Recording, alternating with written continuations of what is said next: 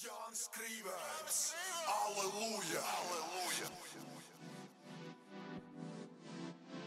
Jānis Krīvērts, Aleluja! Aleluja!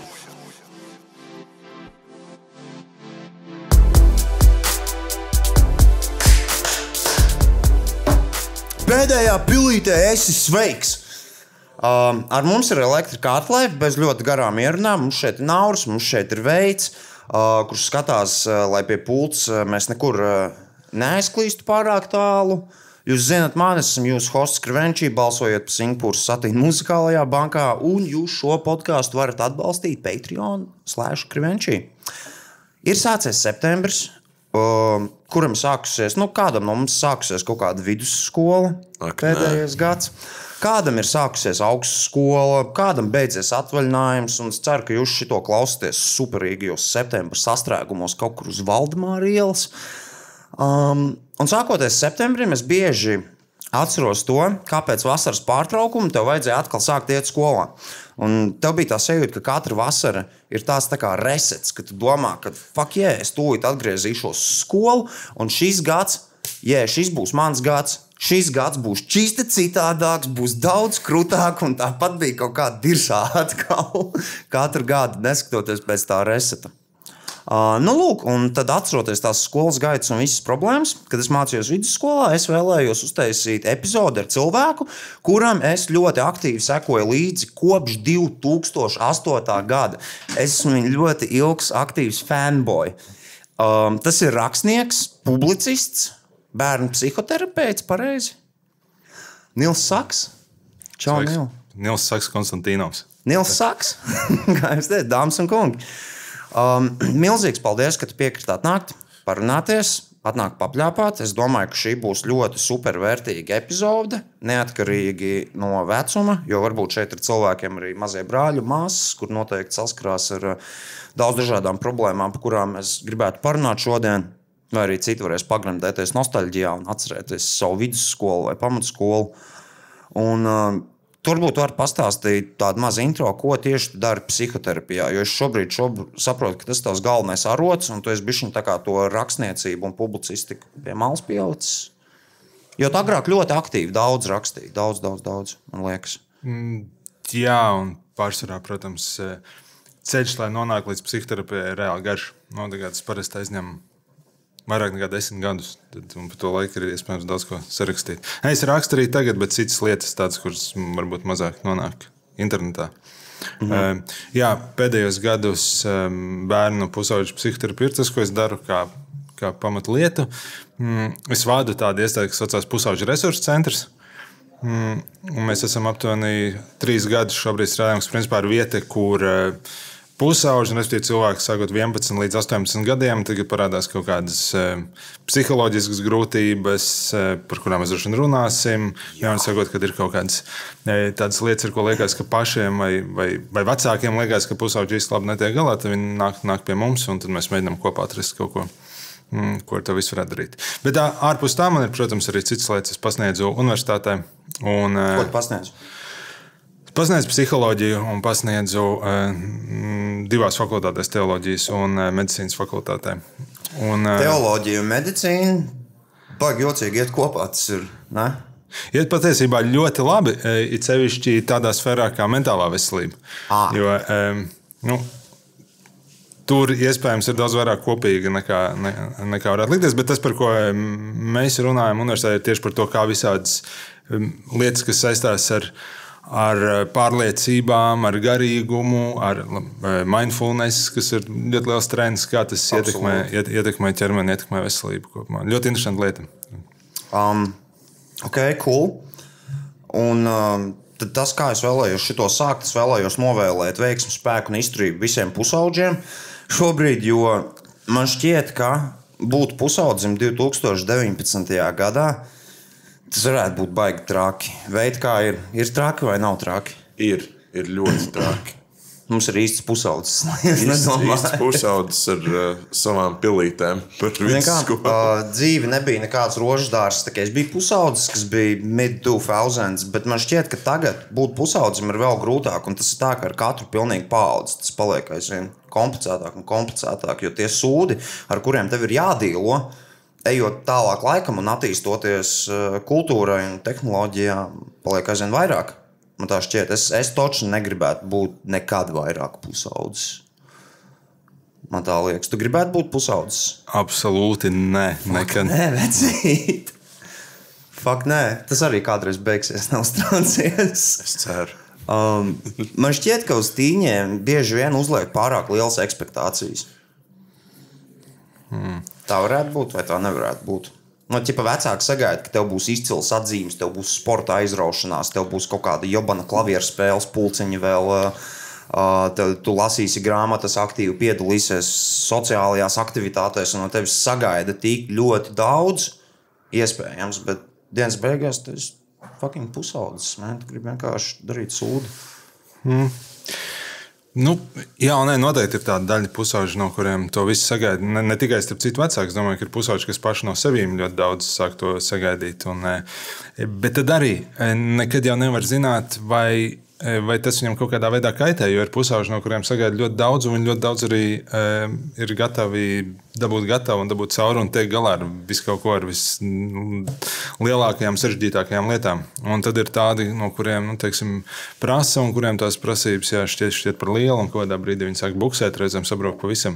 Nu, līdz ar to es domāju, ka nav viena tāda. Mm, Nav tāds viens mūsdienu pusaudzis un viena lieta, kas ar viņu notiek. Es domāju, ka ir eh, diezgan daudzi tie dažādi pusaudžu segmenti. Un varbūt tas, kas ir eh, citādāks, ir tas, ka to segmentu ir kļuvis vairāk. Nu, teiksim, kad es augu, un tas bija, es biju pusaudzis 90. un agros 2000.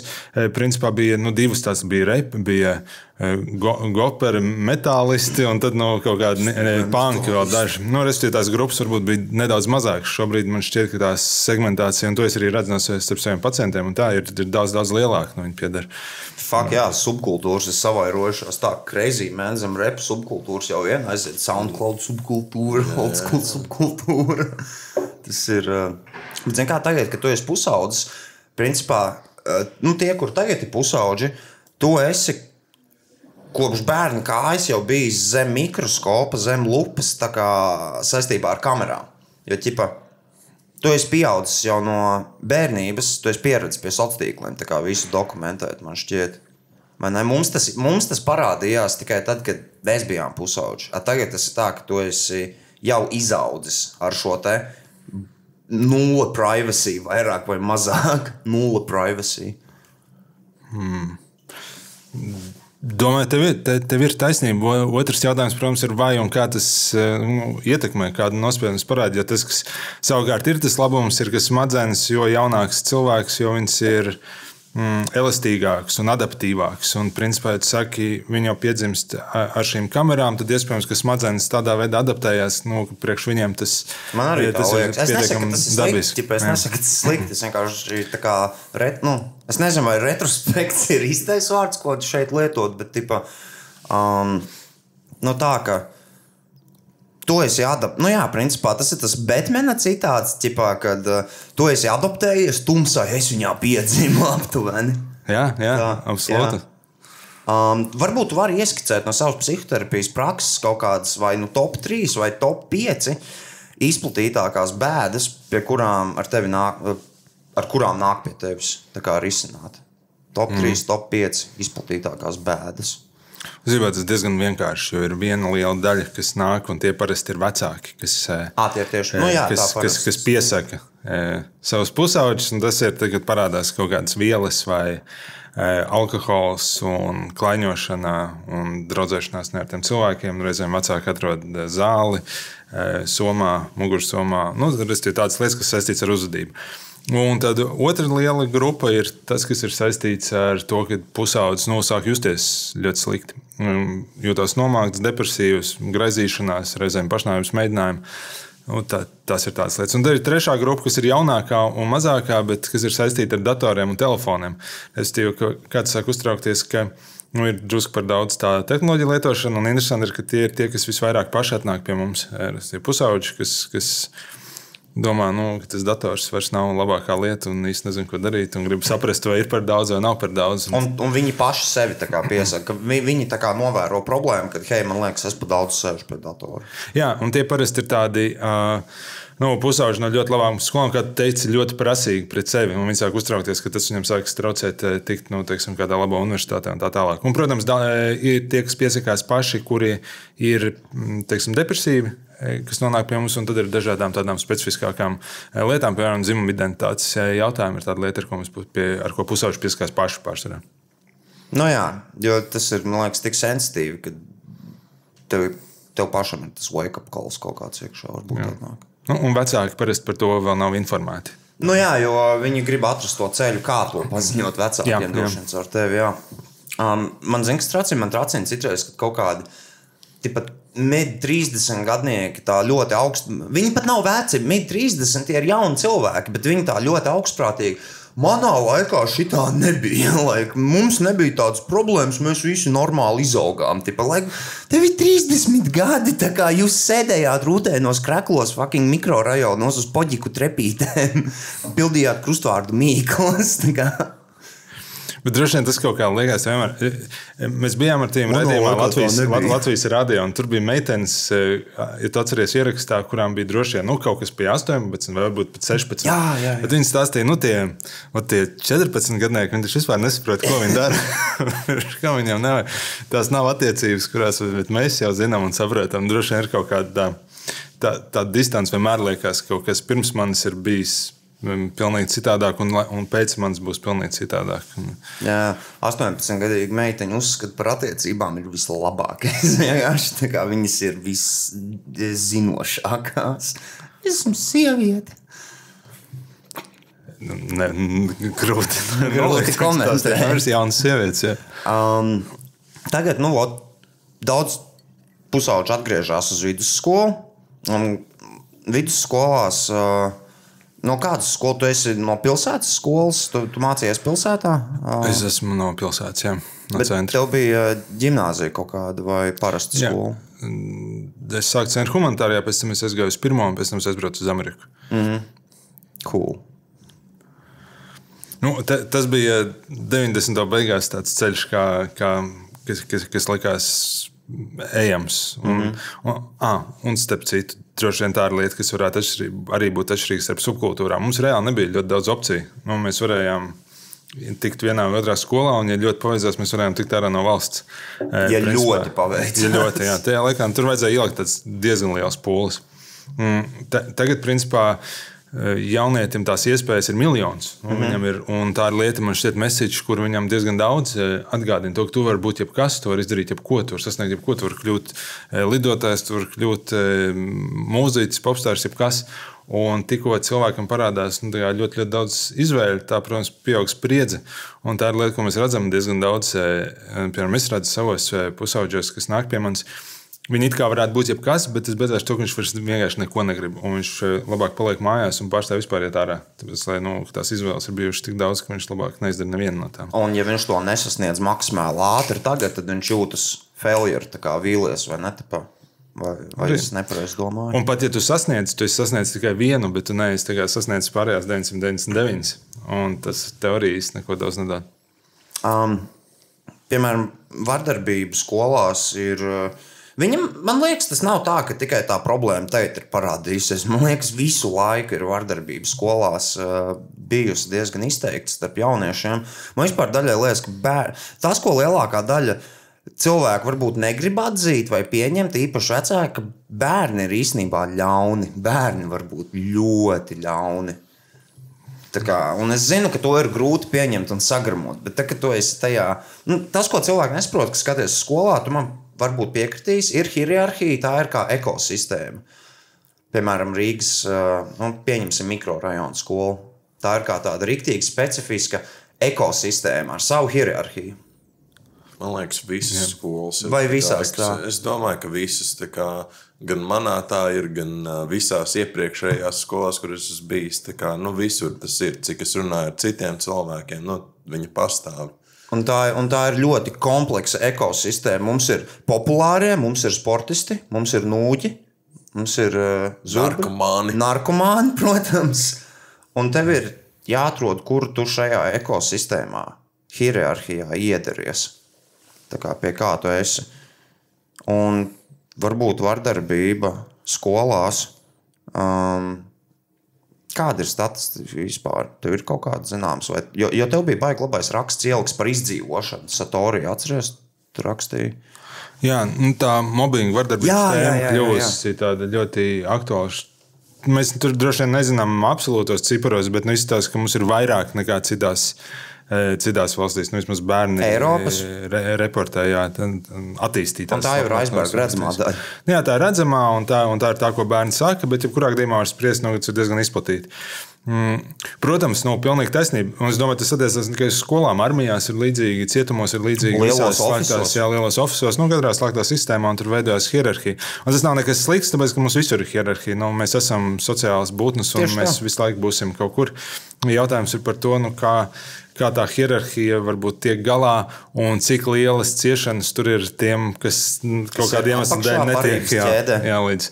Nu, un, eh, un es domāju, tas ir tas, pēc kā mēs īstenībā vērtējam, cik tā ir cilvēcīga hierarhija. Un kāpēc cietumi liekas tik ārkārtīgi kaut kas briesmīgs, un tāpēc, ka tie, kuri ir tur apakšā, tie piedzīvo milzīgu necilvēcīgu attieksmi un izņirgāšanos, un līdzīgi droši vien ar skolām. Es domāju, tev taisnība. eh, Starp citu, interesanti, tu ievies tu ļaunu, eh, vai- bērni ir ļauni. Tas ir tāds reliģisks principā jautājums. Nopietni?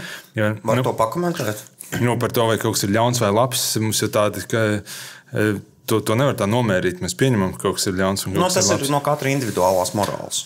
Atkarīgs. Nu, jā, tur ir strīdēji, bet principā tas ir tāds, tāds ētisks kategorija. Tas- Un e, tie ir diezgan lieli strīdi, starp citu, un tos ir bijuši filozofiski tādi seni strīdi, vai bērni piedzimst e, labi, un tad sabiedrība viņus iespējams samaitā, vai bērni tiešām piedzimst no, ar kaut kādu e, ļaunuma tādu potenciālu, un tad mums sabiedrībā ir jādara viss, lai to ļaunumu potenciālu nu, kaut kā apspiestu. E, Es pieder tai skolai. Un, nu, līdzīgi kā tā ir gan tāda e, judeo-kristīgā, eiropeiskā ideja, bet to arī Zimons Freits, protams, definē. Nu, mēs piedzimstam katrs ar diezgan lielu ļaunumu potenciālu, un sabiedrībai ir jāpieliek diezgan liels pūlis, lai to potenciālu mūsos apslāpētu. E, Un tas ir tas, kas notiek e, skolā, es domāju, tas ir tas, kāpēc. Te ir drusku tā tendence tomēr bērnus idealizēt, nu, vairāk vai mazāk. Mēs domājam, ka ja Ne jau viņiem- mans bērns. Ne jau mans, bet arī, ja vien mēs viņiem ļausim attīstīties pašiem, e, tad e, nu, principā, viņi izaugs par pilnvērtīgām, e, labām būtnēm. Un Tā, es lasīju, nes- nesen bija kaut kāds raksts bērnu dārzā, ie- atteiksies no bērnu tādas vadīšanas un ļaus viņiem pašiem izlemt, piemēram, ko viņi paši grib darīt noteiktajās, noteiktā stundā. Un tad, respektīvi, un, un, teiksim, ja viņam būs jāsasien kurpe, tad viņam nemācīs, nerādīs, kāds ir jādara, bet ļaus, lai viņš pats tā kā Viņam atrod vajadzēs izdomāt, kā to izdarīt. Viņam vajadzēs izdomāt, jā. Tas skan interesanti. Protams, no bērna psiholoģijas viedokļa tas izklausās savādi. Tāpēc, ka bērnam līdz noteiktam vecumam vajag, lai viņam ļoti skaidri pasakā priekšā, kas viņam ir jādara. Un Viņam vajag instrukciju, bišķiņu tutoriālu kaut kā. Viņam vajag instrukciju, un plus viņam ārkārtīgi pieaug spriedze. Jā. Nu, teiksim, tu esi mazs bērns, tev tās funkcijas smadzenēs ir ierobežotas, tev ir jāizvēlās nezinu, no desmit dažādām lietām. Vienkārši beidzās vai ar histēriju, vai, vai ar tādu depresiju noskaņu. Nu, bet jā, un, un e, varbūt tas ir kaut kas, kas e, šobrīd. Varbūt reizēm mēs neņemam pietiekami nopietni to nenormālo ļaunumu potenciālu, e, kas cilvēkos ir. Un varbūt mēs tā diezgan naivi skatāmies uz, un, un mēs jau drusku aizvirzījāmies arī tālāk, nu, bet skola ir tas, kur tas sākās. Ka, ja nebūs, ja mēs neņemsim pietiekami nopietni to, ka nu, cilvēks ir jāaudzina par cilvēku. Un neņemsim pietiekami nopietni kaut kādai e, kārtībai, pietiekami lielai struktūrai un hierarhijai, to starp ir jābūt.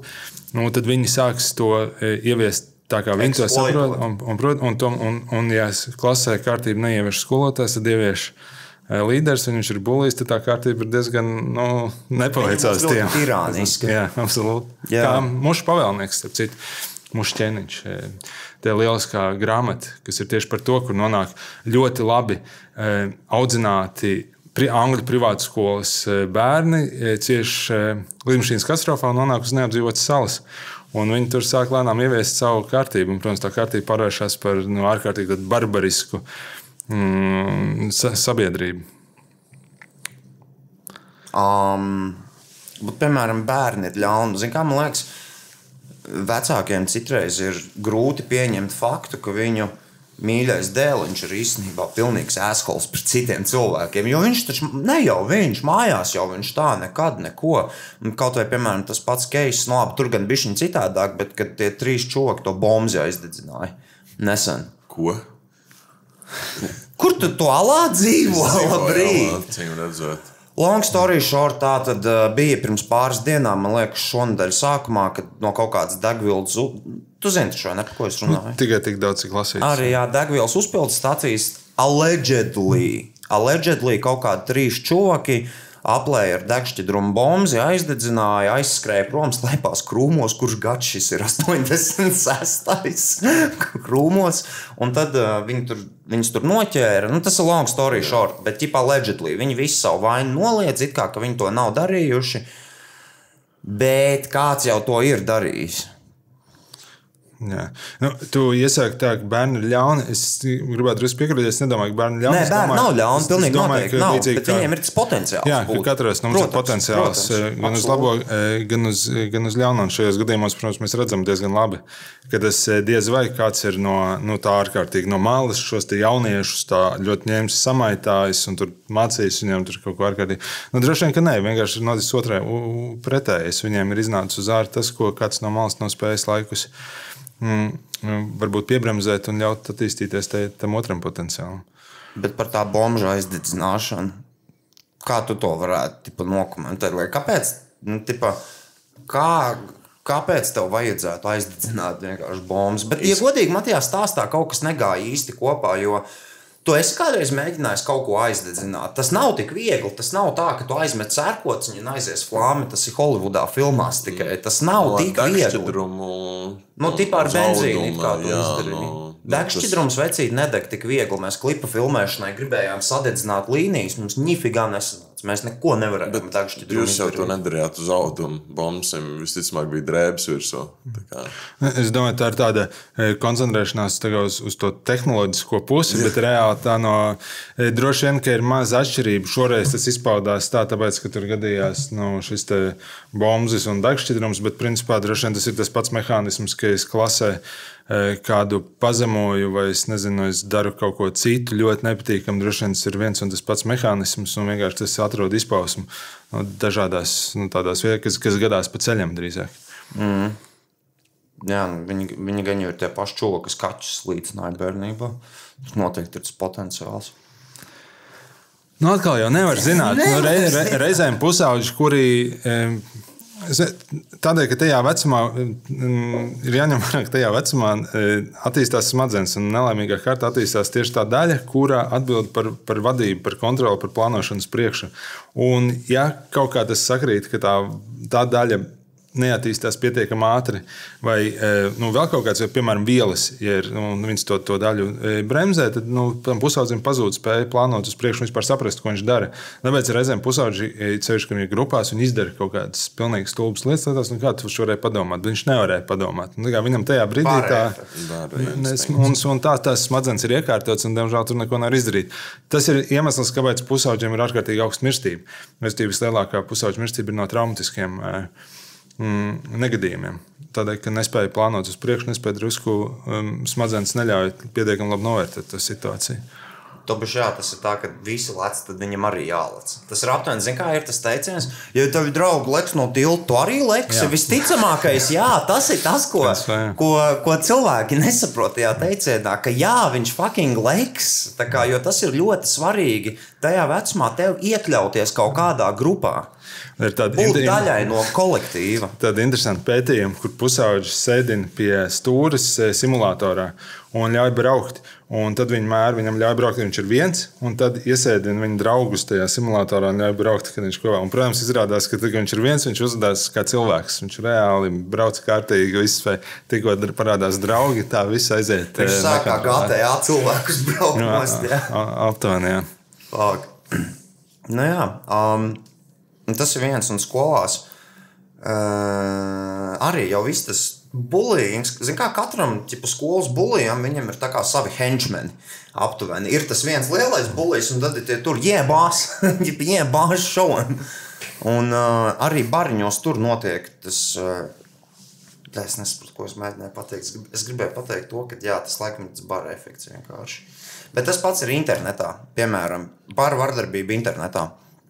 Uh, es uh, biju šonadēļ, jā, tas bija šonadēļ, es biju uz uh, Ilģa ciema jauniešu centru. Tur parunāt ar jauniešiem par uh, vardarbību internetā vispār internetu lietām. Uh, Man tur uzaicināja bišķiņu ar viņiem papļāpāt. Un, ko, ko es tur novēroju? Es, es tev gribēju to pastāstīt. So, um, tur sākumā rādīja tiem jauniešiem, nu, viņi visi tur tīneģeri, vairāk vai mazāk.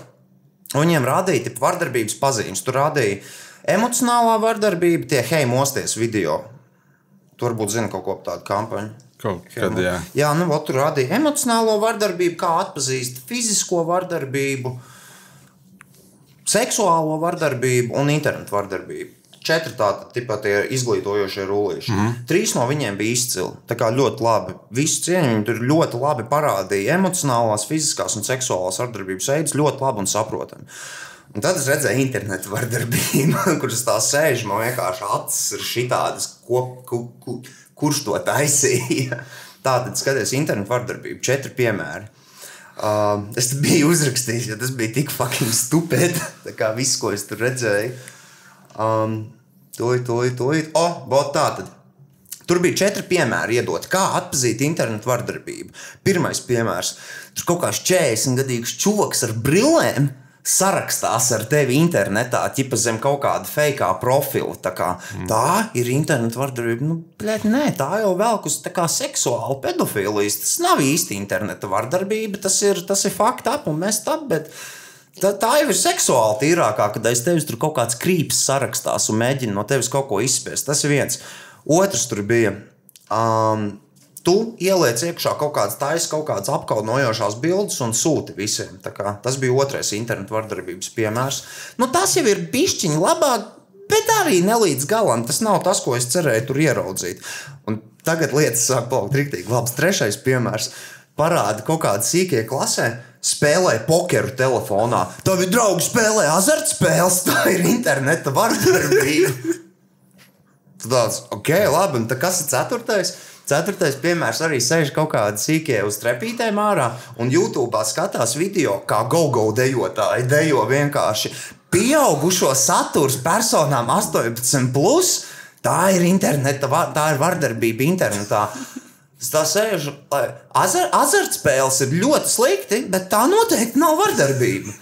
18 plus saturs, tas nav tev paredzēts, bet tā arī nav vardarbība. Tā kā es sapratu, like, who the fuck made this? Tur nebija ielikts tas, kas ir interneta problēma. Bullying internetā, tur pat tas nebija maldīgi pieminēts. Un es nesapratu, kāpēc, vai viņi neapzinās, ka tā ir tā 95% problēma, nevis fucking Facebook uh, pokera spēlītes, kur tu pat uz naudu nespēlē. Un uh, tur nebija. Es nezinu, vai viņi negribēja vai neiedomājās ielikt tā problēma. Tad, kad tu, tev komentāros sauc par pīmpi un visus tavus kompleksus, piemēram, tu esi resns vai tu esi neglīts. Ķipa, nu, jo komentāros zem tiem anonīmiem notiek baigā žults. Viens zem anonīmiem, bet. eh, Un otrs ir, ka tas nav anonīms. Jā, jā, jā. Un, no kur tas bija diezgan bieži, ko es redzu eh, no pusauģiem, tas ir klases, piemēram, WhatsApp grupās vai kaut kādās grupās, vai tajā pašā Instagramā. Eh, Tie nav anonīmi, tie ir reāli klases biedri Jā. vai skolas biedri, kas, ir, nu, kas, protams, tam bērnam ir daudz, daudz traumējošāk. Un, Jā, man, man vispār šķiet, tas, tas dalījums starp internetu un reālo dzīvi, viņš tā aizvien sāk saplūst, vai ne? Vairāk, un, un nav varbūt tik daudz arī nu, īsti jēgas to tādu ārkārtīgu izdalījumu taisīt. Tā kā tu teici, nu, principā. Um, aicināt uz seksu, tas, ka es tevi aicinu uz seksu internetā, tas to, to kaut kā kardināli neizmaina to būtību, ka tas principā ir seksuāls noziegums. Nu, tev līdzīgi ir par to jāuzmanās. Tās, eh, un reizēm varbūt tā ideja, ka internets kaut kas pilnīgi cits. Ja drusku neļauj saprast, ka jā, tie ir tie paši fakti, tie, tie, tie paši bērni, kas visticamāk to pašu darīja skolā. Un, un līdz ar to varbūt tas, kas ir jauns, ir, ka tu nevari no tās skolas aizbēgt. Nu, tā nav nekāda iespēja. Mā- izej ārā no skolas, aizej mājās, un Tieši tev turpinās čats, jā, un tu nevari nolikt malā. Vispār ļoti interesanti. Mums tādi jaunieši, kas eh, fiziski nevar vairs nolikt malā to telefonu, piemēram, viņi neguļ. Tāpēc, ka viņi zina, ka viņiem viss nāk kāds Instagramā kaut kādas nu, ielības rakstīs. Un tā viņi eh, ir šo, protams, viņi pēc tam pārstāj iet uz skolu. Jo viņi nevar, eh, nu, viņi gan baidās iet uz skolu, gan arī viņiem ir izjaukts cikls, viņi vairs nevar piecelties. Un diezgan nopietnas problēmas ar to visu radās. Jā, un, nu, lūk, un, un šī, šī jau ir galvenā tā problēma. Un, jā, un kad tur ieraudzīju tās azartspēles un to go-go dejotāju, like, are you blind? Tā kā are you fucking clueless? Tā nav problēma. Gan jau, tur bija labi nodomi. Cilvēki droši vien mēģināja pasargāt. Es, zinu, zinu, es, es vienkārši smējos, jo viņi visi pārējie te bija ļoti labi video. Es vienkārši Jā. gribēju par viņiem bišķi parēt, ka, ka, viņi droši vien nezināja, kā varētu caur. Nu, Pieklājīgi pateikt to, ka, ķipa, ka tev, hei, tev klases bija tev kroplis augā, bet azartspēles arī slikti. Mēs tā kā pie viena ieliksim to, ka azartspēles arī slikti. Varbūt, ka Eiropas fondu nolikumā bija teikts, ka ir jābūt tiek Jā, jā, var būt, var būt. Jā. Saturam. Bet, bet jā, tas, tas bija rēcīgi. Um, bet, nu, ķipā, man liekas, ka nekas jau tādā ziņā baigi daudz super nav mainījies, piemēram, kopš 2000. vidus. Jo, nu, ja agrāk bullyings bija MySpace, draugos un ASKFM, Aha, jā. Tad tagad tas ir vienkārši Facebook, Instagram un Twitterī. Tipa, nu tā, un, protams, WhatsApp chatu grupās. Jautājums ir par to, vai vispār kaut kas ir mainījies. eh, un- bullyings visticamāk ir bijis nu, vēl sen, sen pirms, sen, sen, pirms, sen. eh, Pirms- pirms vispār bija interneta datori. Un, un skolas sistēmas visticamāk, un tā, bet kas starp citu ir, ir eh, nu, man šķiet reāli interesanti. ka, Mm, ir tāda evolūcionāra psihologa ideja šobrīd, jo, protams, mēs visi mēģinām saprast, no kādā sakarā, kāpēc, kāpēc cilvēki mm -hmm. uzvedās.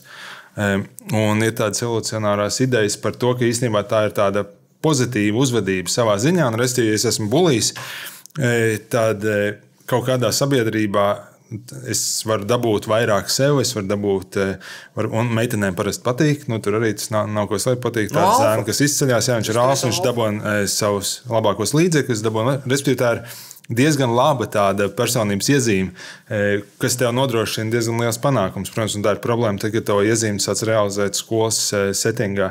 Un varbūt nu, tādos veidos, kāds nav paredzēts, bet kopumā tajā ir kaut kas diezgan pozitīvs. Un, bet te mēs arī redzam, ka ir un tā arī pētījumos rādās, ka ir divas bulīju kategorijas. Ir, ir viens šis pozitīvs, viņas tā arī sauc. Tad, bet tad ir tādi, kuri, un kur pārsvarā ir vieni paši, kur ir tiešām e, s- par, parasti smagi traumēti bērni, vai arī kas nāk no ļoti augsta riska ģimenēm. Un tas ir vienīgais veids, kā viņi spēj uh, funkcionēt. Nu, darot vienkārši riebīgas, uh, agresīvas, vardarbīgas lietas.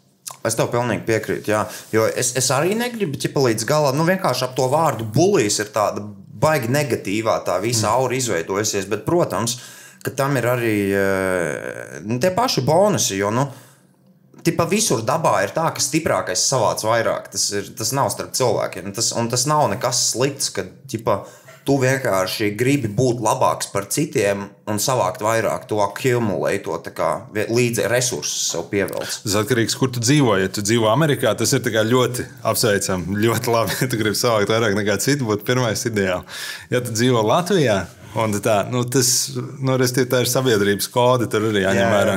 Tas vairs nav tik labi. Tas jau var pat sākt kļūt Jo citiem ir nosodāmi. grūtāk to pieņemt. Man šķiet, ne?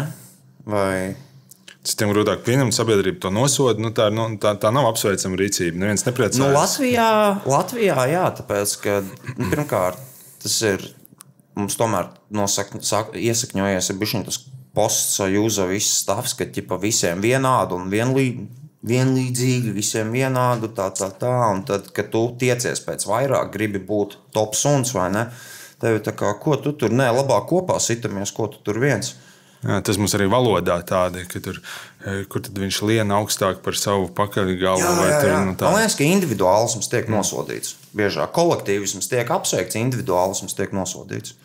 Jā, bet Bet paradoxālā kārtā eh, Latvija ir vieta, kurā ir ļoti augsts individuālisms un ļoti mazs kolektīvisms. Respektīvi, tādas lietas kā kopienas mums principā praktiski nepastāv. Nu, tas ir kaut kas. eh, Līdz ar to es domāju, tur ir tāda zināmā pretruna mm. varbūt sa sa sabiedrībā pašā. Mm. Jā, un vēl es aizdomājos, tad runājot. eh, droši vien tā arī ir svarīga lieta, ko pateikt. Mēs, eh, nu, lī- līdzīgi kā teica, bulīs vienmēr nosaukt, bulīs ir tas redzamā problēma. Nu, tā kā Tas ir tas, kur var pateikt, viņš ir bulīs un tad tā, tālāk viss darīt. Un tas, kuram viņš dara pāri, tas ir redzamais cilvēks, kuram var vajag palīdzēt. Nu, Jā, jā, jā. vajag Bet eh, realitātē tas, ko mēs ļoti skaidri redzam no pētījumiem, ir, ka ir pilnīgi vienāds risks. Piemēram, mentālajai veselībai ir pilnīgi vienāds risks, vai tu esi bulīs vai, vai tas, kuram bulīs dara pāri. Cik jūs abi esat ļoti paaugstināti riska zonā. Un vēl ir interesanti, ka klasē. Vienkārši tikai esot klasē, kurā notiek bulings. Ja tu pat nepiedalies tajā bulingā, tu atrodies augstākā riskā krietni uz visām problēmām.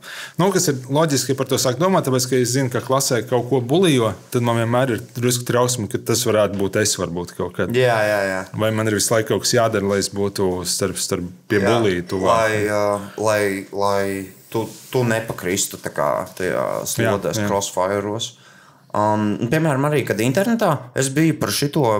Runājot bišķiņas spraitē, labi, hateru kampaņas ietvaros, man nešķiet, daudziem patīk nosodīt platformas. Tieši, kad interneta platformas tas ir tas sliktais.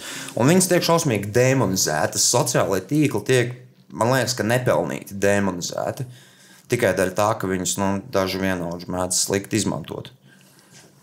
Un viņus bieži vien uztaisīja kā visu tur eh, ļaunumu un psiholoģisko problēmu sakni. Kas varbūt kaut kādā mērā ir, varbūt nav, kā tev liekas, vai viņi tiek demonizēti vai netiek. Nu, problēmas vienmēr būs tur, kur, kur atrodas kopā eh, bērni vai pusauģi. Nu, vienā vietā, piemēram, tāpēc, ka viņi skola ir vieta, kur viņi atrodas kopā, tāpēc tur objektīvi būs problēmas. Līdz ar to sociālās platformas ir vēl viena tāda vieta. Viņi tur atrodas kopā daudz bērnu pusauģi. Tur, protams, ka būs problēmas, tāpēc, ka tā ir vieta, kur viņi ir kopā un, un vieta, kas ir slikti uzraudzīta. Pats par sevi nu, tas ir tāpat kā demonizēt nezinu, parku vai kafejnīcu. Tās ir vietas, kur cilvēks satiekas. Cits jautājums, ko viņi tur dara. Mēs redzam, nu, e, protams, ka tā ietekme uz, uz kaut kādām problēmām, ciešanām, tas vienkārši, lieto sociālo tīklu, ir diezgan maza. Visticamāk, ka pat nemaz tur tas īsti nekorelē, bet e, var redzēt, ka tas attiecās tikai uz meitenēm pārsvarā. Un meitenēm gan e, tās, kuras e, daudz vairāk laika pavadīja sociālajos tīklos, tām ir tendence e, justies daudz sliktāk, viņām ir tendence augstāk uz, uz depresiju, mm, augstāk pašnāvību riski un, un citas problēmas. Pagaidām izstāsta, ka uz zēniem tas kaut kā nestrādā. E, Nu, re- Respektīvi, iespējams, tāpēc, ka viņiem nav tik svarīgas tās lietas, ko sociālajos tīklos cilvēki dara. Mm, Bet pagaidām izstāsta, ka tie pārmetumi visi ir krietni pārspīlēti, ka tas nav tieši saistīts ar, ar, ar garīgo veselību nekādā veidā. Um, ko domā par tādu ideju? Viens veids, kā varētu, piemēram, mazināt iespējams vardarbību gan skolā, gan attiecīgi internetā, ir, ja tu no ļoti, ļoti agra vecuma, jo tas, kas trūkst, ir empātija. Respektīvi, kaut kādā veidā, respektīvi, kačāt to empātijas sapratni. Starp cilvēkiem. Jo, ja tev ir empātija, tev ir samērā diezgan grūti ķipa, kādam citam kaut ko rīktīgi, fucking riebīgi izdarīt. Bet, uh, bet ir jau kļūdīties. cilvēki, kas nejūt tādu lietu kā empātiju. vispār, Exactly. Sociopāti. Nu, Bet viņi nav tik daudz, var likties. Sociopāts tāds trenda vārds. nu, jā, bet uh, tāpat tā, kā, tā ir reāla lieta. Nu, Es domāju, es drusku argumentēšu, oponēšu jums abiem nedaudz šeit. Um, nu, principā, ja mēs pamanām, kas ir empātija, tas nozīmē, ka es spēju saprast, kā, kā otrs e, jūtas. Protams, tāda ideja bija, un nu, viņa vēl joprojām ir populāra, ka tad, ja bērns tur dara pāri, tad viņam vajag iemācīt, kā, kā otrs jūtas. Bet tas, kas izrādījās, un ir diezgan labi dati par šo, tādēļ, ka šī bija viena no e, tādām populārākajām pieejām e, bullying mazināšanā, kas nestrādāja. Nestrādāja ļoti vienkārši iemeslu dēļ, tāpēc, ka atkal, ja mēs paskatāmies uz tiem cilvēkiem, nevis uz to sli, e, slikt, slikto, slikto grupu augstu risku pusauģiem, bet tiem, kuri bulījo, tāpēc, ka viņi ir spēcīgāki, labāki, veiksmīgāki, nu, viņi grib, viņiem ir šis te, e, pozitīvais impulss, kas izpaužas negatīvā veidā. Viņi izrādījās patiesībā ļoti labi lasa sociālos kodus, viņi ļoti labi empatizē un viņiem nav nekāda grūtība justies tajā, kā citi jūtas. Un, ja mēs padomājam par to, kā es, es varētu tiešām nodarīt pāri otram, nu, pateikt kaut ko rīktīgi riebīgu, man tomēr ir jāsaprot, kā viņš jūtas un jāsaprot, kas viņam varētu likties riebīgs, kā viņš varētu justies. Respektīvi, tā empātijas spēja ir, viņiem ir pietiekami liela. Tur ir citi visādi faktori, bet izskatās, ka tieši par empātijas audzināšanu nu, tas, tas vienkārši nav šobrīd izrādījies īpaši efektīvi. Jā, tas ir metams miskastē. Tomēr tā nav problēma. Nē, kāpēc? Tā, tā, ir, tā ir laba lieta, un sevišķi ir jaunieši, kuriem tas padodas grūtāk nekā citiem. E, Nu, sociopāti, jā, tas tāds. e, varbūt nav drusku citas eh, vārnīcas termins, bet ir, ir jaunieši, kuriem, kuriem teiksim, skatoties uz citu ciešanām, ir krietni mazāks emocionālā reakcija nekā, nu, nekā citiem. Kas ir interesanti, viņiem ir lēnāks pulss arī parasti. Tas ir viens veids, Aha. kā. un Kā tad- sociopāti atpazīt. nu, nesauksim viņus par sociālātiem, bet principā tie ir eh, riska, jaunieši, jo nu, viņi pēc tam iekļūst. Viņiem ir daudz lielāks risks iekļūt nepatīkamās situācijās, jo viņas arī daudz mazāk biedē nosodījums vai sots vispār. Tas ir cits labs iemesls, kāpēc nevajag bērnus sodīt fiziski bērnībā, jo tad viņiem pazeminās eh, to bailes slieksnis un viņus vairs. eh, Mm, Respektīvi, viņas, viņas ir daudz grūtāk regulēt. Viņi darīs visādas lietas, un Viņi būs pieraduši Viņi būs nu, savā ziņā, jā, viņas desensitivizē. Viņai tur, ko tu man izdarīsi? Piekaus? Nu, Aptuveni. Principā, jā, viņš, ir, eh, viņš ir iemācījies sevi distancēt no, no kaut kādām negatīvām sajūtām. Jā. Um, de, vai tā varētu būt, ka, piemēram, tagad. Uh, Tipa saka, ka tagad depresija ir visaugstākie rādītāji starp pusauģiem, kā tas bijis uh, citos laikos. Ķipa, tieši tagad depresija ir visizplatītākā. Bet vai nevarētu būt tā, ka viņa vien, es nezinu, man liekas, ka depresija, ka katram pusaudzim vairāk vai mazāk ir depresija kaut kādā brīdī pieaugot. Tā kā depresija ir part of growing up manuprāt, vienā brīdī. Es, es neatceros nevienu savu super um, daudz paziņas, kuri visu laiku būtu super priecīgi, lai katrs pusaudzis ir vienā momentā rītīgi bēdīgs, rītīgi ilgu laiku, un tā ir dabīga daļa no pieaugšanas.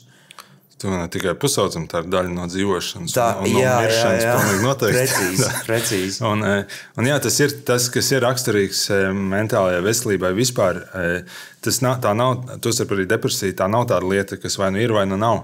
Redzim, mums visiem ir, ir kaut kāda šī depresīvā daļa, un ir jautājums tikai par to, cik viņi ir no tālu, un, un, un vai viņi kaut kādā brīdī sāk traucēt darīt kaut kādas lietas, vai, vai, vai tas liek justies reāli um, slikti. Un, un tā ir problēma. Bet, protams, ka viņi eksistē un klātsoši mums visiem. Un, protams, ka pusauģu vecumā viņi izpaužās vairāk, tāpēc ka pusauģu vecumā vispār visas emocijas izpaužās vairāk. Un tas ir saistīts ar to, kā smadzenes.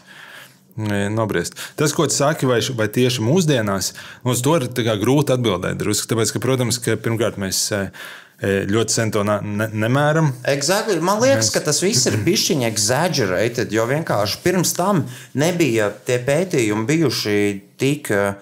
Nu, neviens nevāca 90. sākumā statistikas. Visiem bija daudz citas lietas, ko darīt. Tāpēc liekas, ka visu laiku ar katru gadu paliek tipa, trakāk un trakāk un trakāk. Bet īstenībā ir vienkārši tas, ka tu vairāk, jo tu vairāk iefokusējies uz to problēmu, jo vairāk tu viņu sāc redzēt. Jo vairāk pētīt, jo nu, Nu, tas ir e, arī daļai tāpēc, ka veselība ir sevišķi, viss, kas saistīts ar psihisko veselību, tā ir sabiedrības noteikta lieta. Un, piemēram, e, ag- agrāk, e, 19. gadsimtā, absolūti populārākā garīgā veselība bija histērija. Nu, ja reāli cilvēks slimo ar histēriju e, milzīgos kvantumos, šobrīd tāda lieta vispār nepastāv. Neviens ar to neslimo, un tāpēc, ka pamainījās sabiedrības e, nosacījumi. Ko mēs domāsim par depresiju, pēc e, to nevar zināt. Nu, Protams, ir kaut kāda tāda objektīva, e, puslīdz objektīva cipara. Piemēram, mēs redzam, ka pieaug pašnāvības skaits un pieaug sevišķi um, jauniem zēniem. Un pieaug par diezgan lieliem, tādiem pat 33%, piemēram, desmit gadu laikā. Tie, tie dati, kas mums ir, ir ļoti daudz. šobrīd, un, jā, tas ir, tas ir ļoti, ļoti daudz. Mēs nezinām par Latviju, jo Latvijā tie dati nav e, šobrīd tā labi un ērti pieejami, bet nu, mēs domājam, ka kaut kas, kaut kas līdzīgs notiek. Un vēl var redzēt, mm, teiksim, lai arī mēs neesam mērījuši sen, mēs mēram piemēram no 2000 kaut kāda, nu, un arī varbūt ne Latvijā tieši, bet, teiksim, Amerikā un tajās vietās. Un tur tas, tas trends ir redzams diezgan izteikti, un vēl ir redzams, ka, piemēram, pieaug konkrētas lietas. Ja būtu tā, kā mēs domājam, nu, tas vienkārši tāpēc, ka sāk mērīt, tad droši vien, ka pieaugtu viss, bet, piemēram, šizofrēnija nepieaug, e, bet pieaug depresija un trauksme. Tādas ļoti konkrētas lietas. Protams, ka tas ir saistīts ar to, ka uz to fokusējās un par to runā vairāk, bet droši vien, ka tam ir arī apakšā kaut kāds e, nu, vēl kaut kas. Um, ko tu domā par to? Tipā, mēs bijām jau par to pārnājām, bet ko tu domā par to, ka Ot, jā, visi visu laiku vaino tādu internetu un sociālos tīklus kā absolūto bubuli, ka tipa, bērni ir jātur maksimāli tālāk mm. no viņiem. Mums pusauģu resursu centrā vesela programma ir, ir pusauģiem, kuriem ir risks būt atkarīgiem no interneta vai, vai mobiliem telefoniem.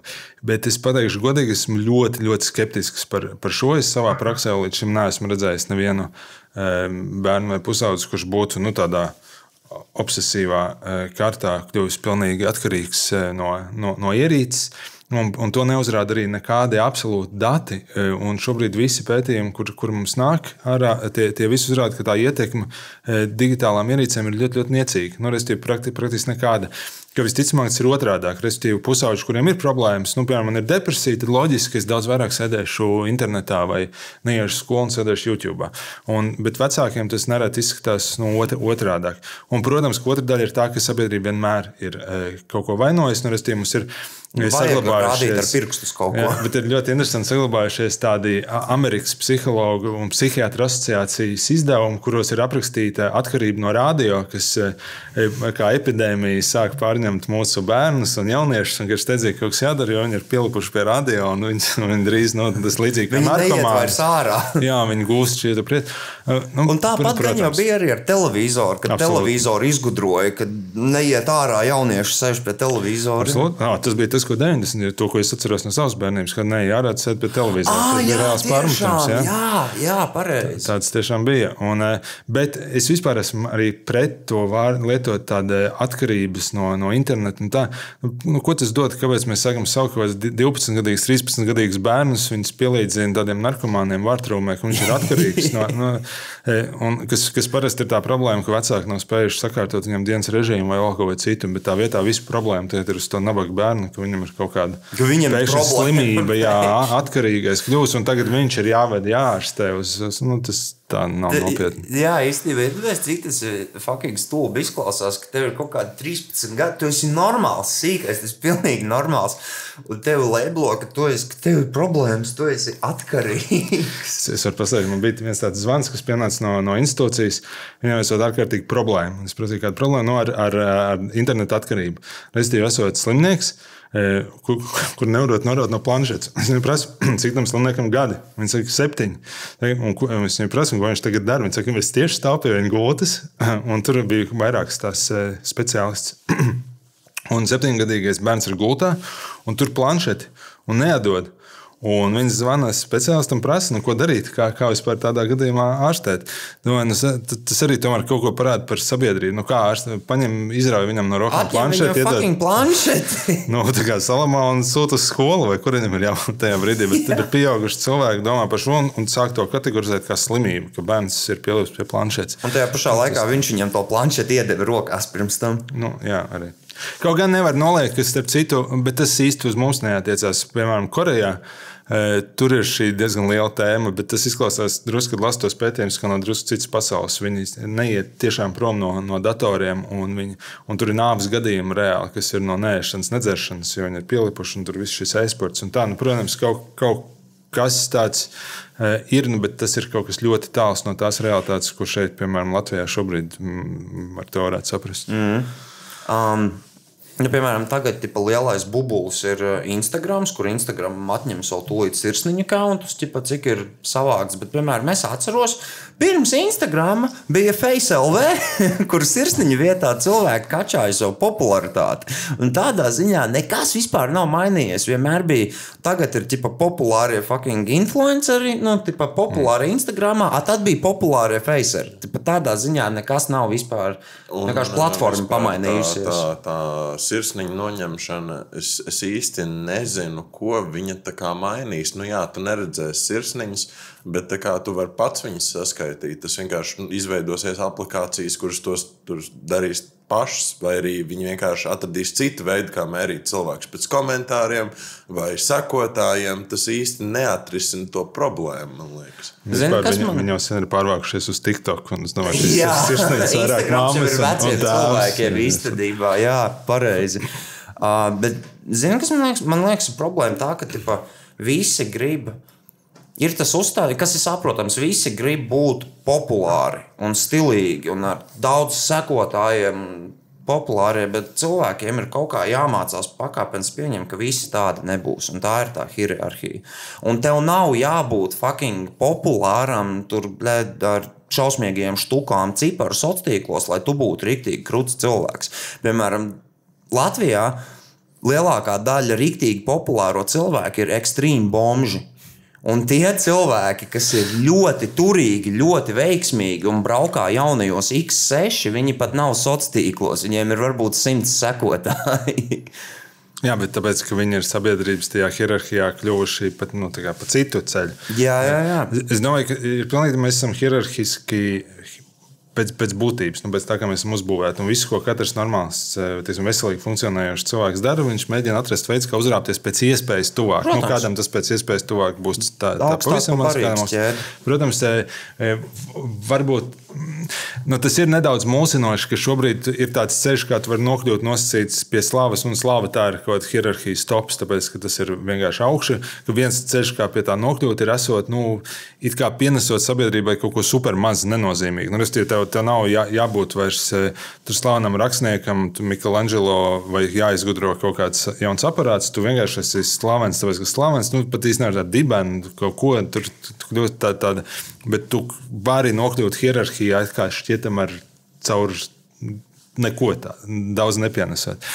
Un, e, nu, Tas varbūt ir tas mūsinošais, un tas ir tas, kas varbūt nav mums visiem produktīvi. Tāpēc, ka līdz ar to e, jaunieši tā vietā, nu, lai, piemēram, domātu, ok, es nokļūšu kaut vai caur to pašu BMW ceļu, nu, tas nozīmē, ka man tur jā- jāiet strādāt, tur jādara vēl kaut kas, kaut kas jāiemācās labi. Jāuztais labi biznesa. Jā, nu, kas Jāatbalsta principā kaut, kaut kad tā sabiedrībai tas būtu no, noderīgāk. Tā vietā, piemēram, viņš sēž aiz ārkārtīgi garas stundas pie, pie interneta un domā, nu, kā, kā, kā, kā dabūt sev tos sekotājus ar tādiem ļoti mm, nu, neproduktīviem veidiem. Un tas varbūt ir tā, tā nedaudz negatīvā puse. Nu, es cilvēkiem vienkārši vajag pieņemt, ka tas ir ok, nebūt populāram. Tev nav obligāti jābūt pašam krūtākajam, spēcīgākam, lai tu būtu riktīgi, tie, tā kā teici, labs sabiedrības loceklis, kas dod daudz vairāk nekā kaut kāda, cik tā vajag, 5000, 10,000 sekotājus, lai justos, lai dabūtu, jā, jūtos labi. Nu, bet atkal, ja es to varu dabūt kaut kā Jā. citādāk. Bet, ja es esmu, nu, man nav talanta ne vienā, ne citā jomā, īsti naudas arī nav, nav kaut kas, nu, tad tas ir tikai vienīgais. Nē, tad es tad neesmu izvilcis loterijas biļeti pareizo. Um, bet jā. E, jā. Vēl viena lieta. Overprotectiveness, kā pareizi skan latviešu. Hiperaprūpe. Hiperaprūpe.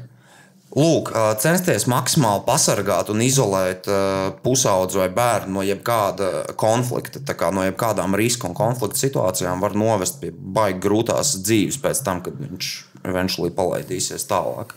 Un, uh, ir viena lieta, par ko daudz džekiem konkrēti ir ļoti grūti runāt. Varbūt pie tevis nāk arī ar tādām lietām, bet tieši džekiem ir baigi grūti runāt, un arī sabiedrībā par to super daudz nerunā. Bet, kad ir uh, overprotective mātes, tieši mātes ir ļoti, ļoti overprotective. Un tas ir tāds baisais būtēms, ko pat čomi nestāsta ļoti daudz viens otram, cik ļoti tev. It kā viņa neko sliktu nedomā, jo tu savai mātei vienmēr būsi tas mīļais mazais puisītis, bet tajā pašā laikā ir mātes, kas pat 26 gadu vecumā cenšas sev pie pupa piezīst atpakaļ to fucking pieaugušo tēvainu jau un vienkārši čakarē viņam visu laiku privāto dzīvi. Un pusaudzis, ok, tā kā tu esi izvācies ārā no viņiem, tas vairs nav tik traki. Bet, ja tu esi pusaudzis, Džeks, piemēram, 16 gadīgs, un tev ir tā rīktīga, overprotective māte, kur it kā neko sliktu ar to nedomā, bet viņa ļoti, ļoti slikti ietekmē tev veselīgu uzaugšanu. Kā ar to cīnīties, rīkoties? Jo par to daudz nerunā, bet es zinu, ka tā ir problēma. Pie tevīm nāk Džeki ar tādu lietu, ka tieši māma varētu būt problēmā kaut kādā. Hiperaprūpe mm, bū- būs raksturīga mammai. E, Tu gribi dzirdēt tādu e, drusku freidisku filozofisku? lūdzu, lūdzu, man patīk. Nu, e, ir, ir tā ideja, ka, un es domāju, ka kaut kas ar to ir saistīts ar to, ka ir ļoti daudz šķirtās ģimenes.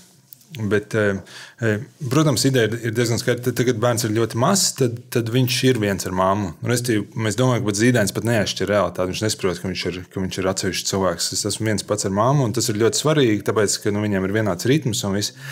Un tad pamazām, pamazām nu, viņš sāk apzināties, tur kaut tur divu, trīs gadu vecumā viņam parādās savs ego un tā. Un, eh, Tad ir tāds punkts, kurā, eh, kurā cilvēks pēc dabas ir paredzēts, ka viņam ir jāaiziet no ģimenes. Un reāli tas ir tas punkts, kas ir pusaudzība. Nu, restīvi, Tas sāk hormoni un tā, un tāpēc man sāk kļūt svarīgi pusaudzim tie e, draugi ir svarīgāki nekā ģimene. Tas ir veselīgi, viņam ir Protams. jāaiziet ārā no ģimenes. Bet tad ir tāda e, lieta, ka e, e, mammai tas, protams, ka ir nepatīkami. No, tāpēc, tāpēc, tāpēc, ka bērn, un tas ir nepatīkami visām mamām. Tas cilvēcīgi ir ļoti saprotami. Tāpēc, ka Protams. bērns, ar ko Es- es biju jā, viens, jā, viņš jā. iet prom. E, Un, e, Savukārt, un, un tur var notikt divas dažādas lietas. Un atslēgas figūra tajā visticamāk ir nevis mamma, bet tētis. Jo tas, kas notiek mammai, tas ir dabisks process. Viņa negrib dot projām. Bet tajā brīdī ir nepieciešams e, tā bērna tēvs, un viņš ir vajadzīgs abiem. Viens ir tas, ka mammai ir e, pa- partneris, uz kuru veltīt to savu. e, Saka, Uzmanību. Jā. un viss hiperrūpes. Un otrs ir svarīgs tēvs tam bērnam.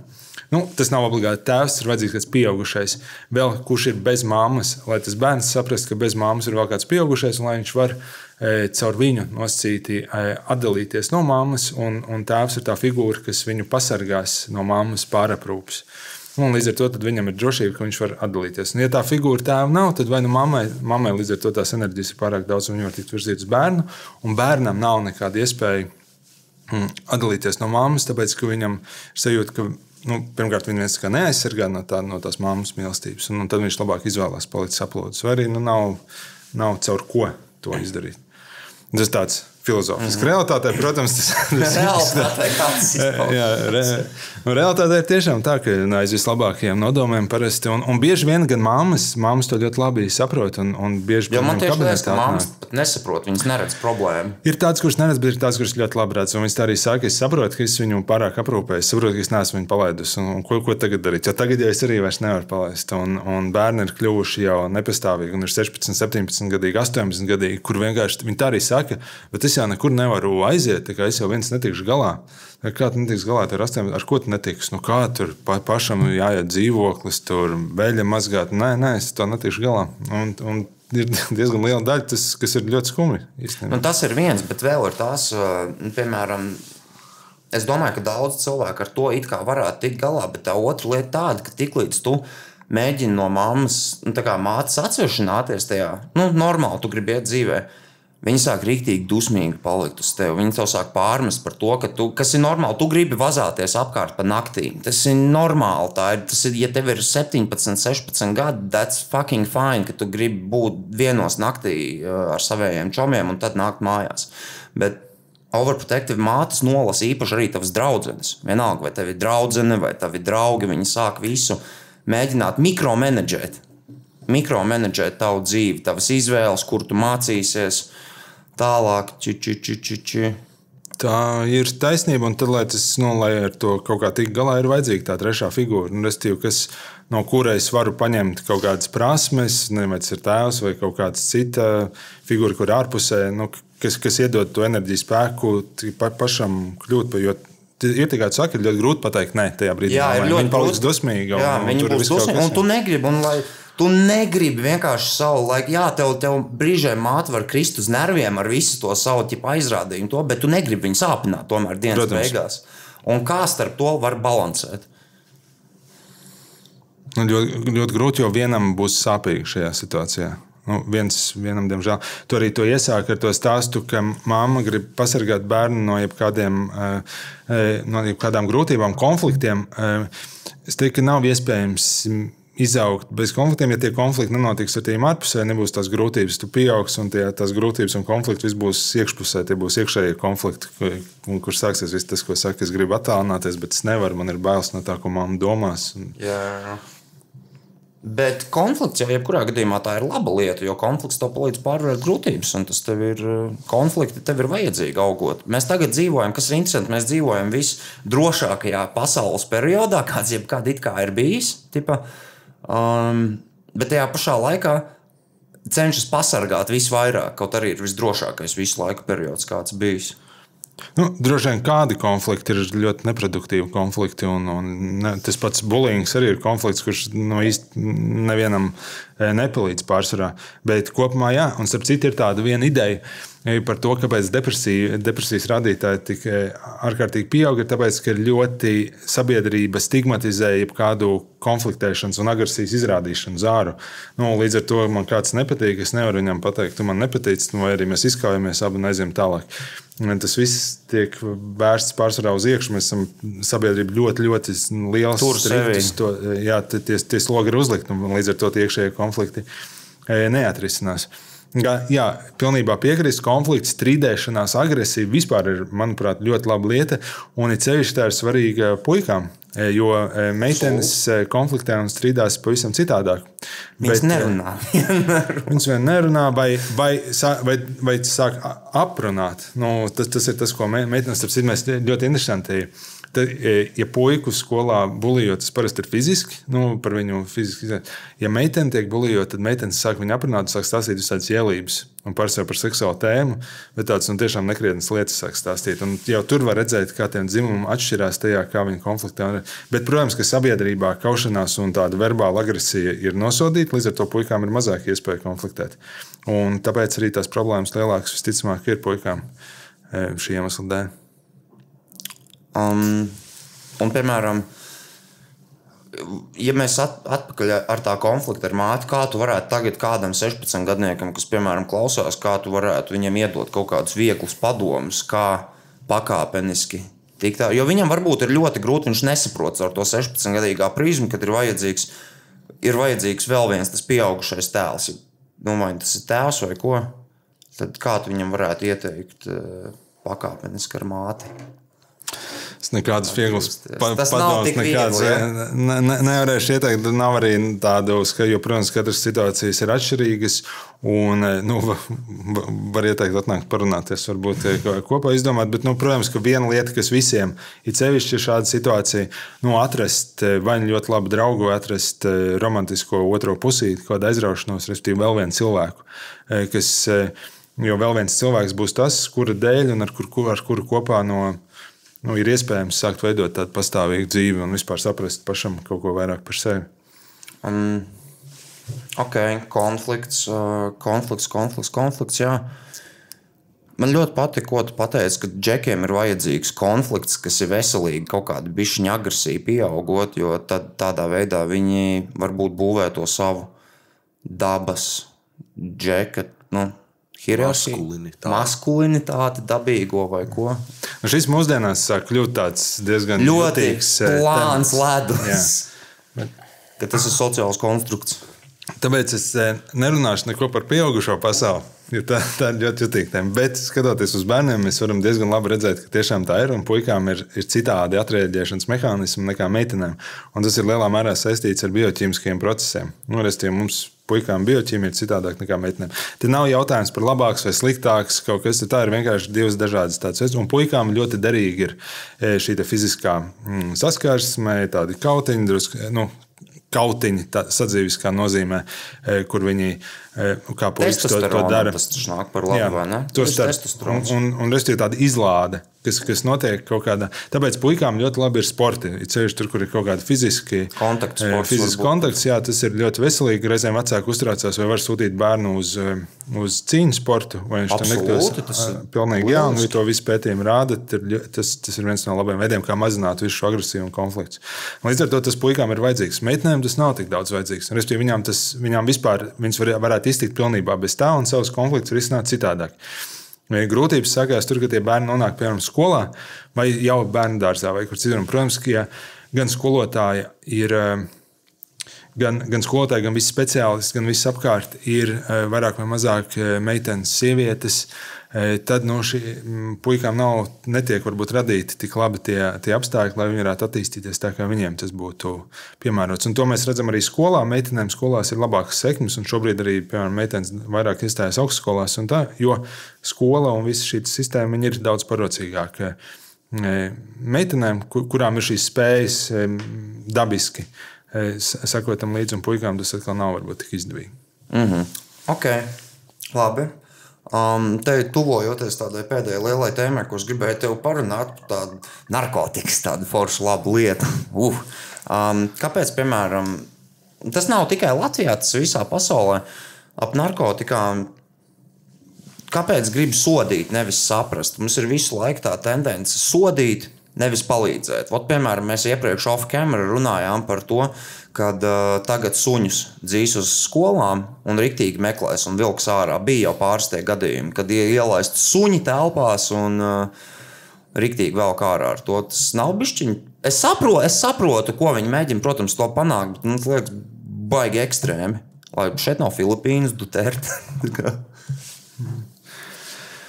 Ja, nu, Visa tēma ir ļoti sarežģīta. Protams, absolūti. Jo, un, protams, tas ir saistīts ar to, kā sabiedrība vispār par šīm lietām domā un kā uz to vispār skatās un ko vispār mēs saucam par narkotikām. Jo atkal jau nav tāda nu, tā kā, mūzus. Plāksnēs, baušļos ierakstīts, ka šīs ir vielas, kuras tev nebūs lietotas, un, un šīs tā būs. Mēs, mēs par to vienojamies. Un, piemēram, sabiedrībā ir akceptējami, ka mēs dzeram kafiju, bet teiksim, nav akceptējami, ja mēs uzņemam nikotīnu.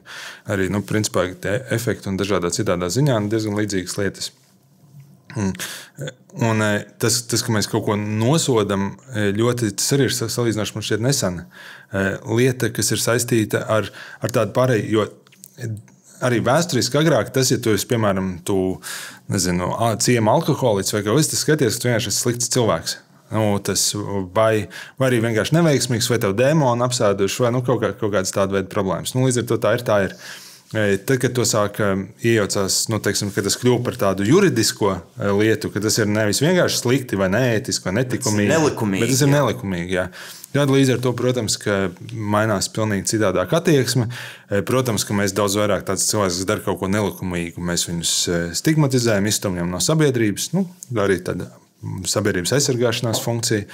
Un tam visam sekoja, protams, tas, ka viņus ārkārtīgi stigmatizē. Nu, man ir tāda sajūta, ka narkomāni ir vispār viena no tādām pēdējām sabiedrības grupām, ko ir, ko ir akceptējami stigmatizēt un kaut kā pazemot. Nu, tā, pret viņiem var izturēties kaut kā sliktāk, var runāt kaut kādas riebīgas lietas, var viņus likt cietumā. Tur jau tas jau ir narkomāns, viņam, viņam tur nebūs iespēja.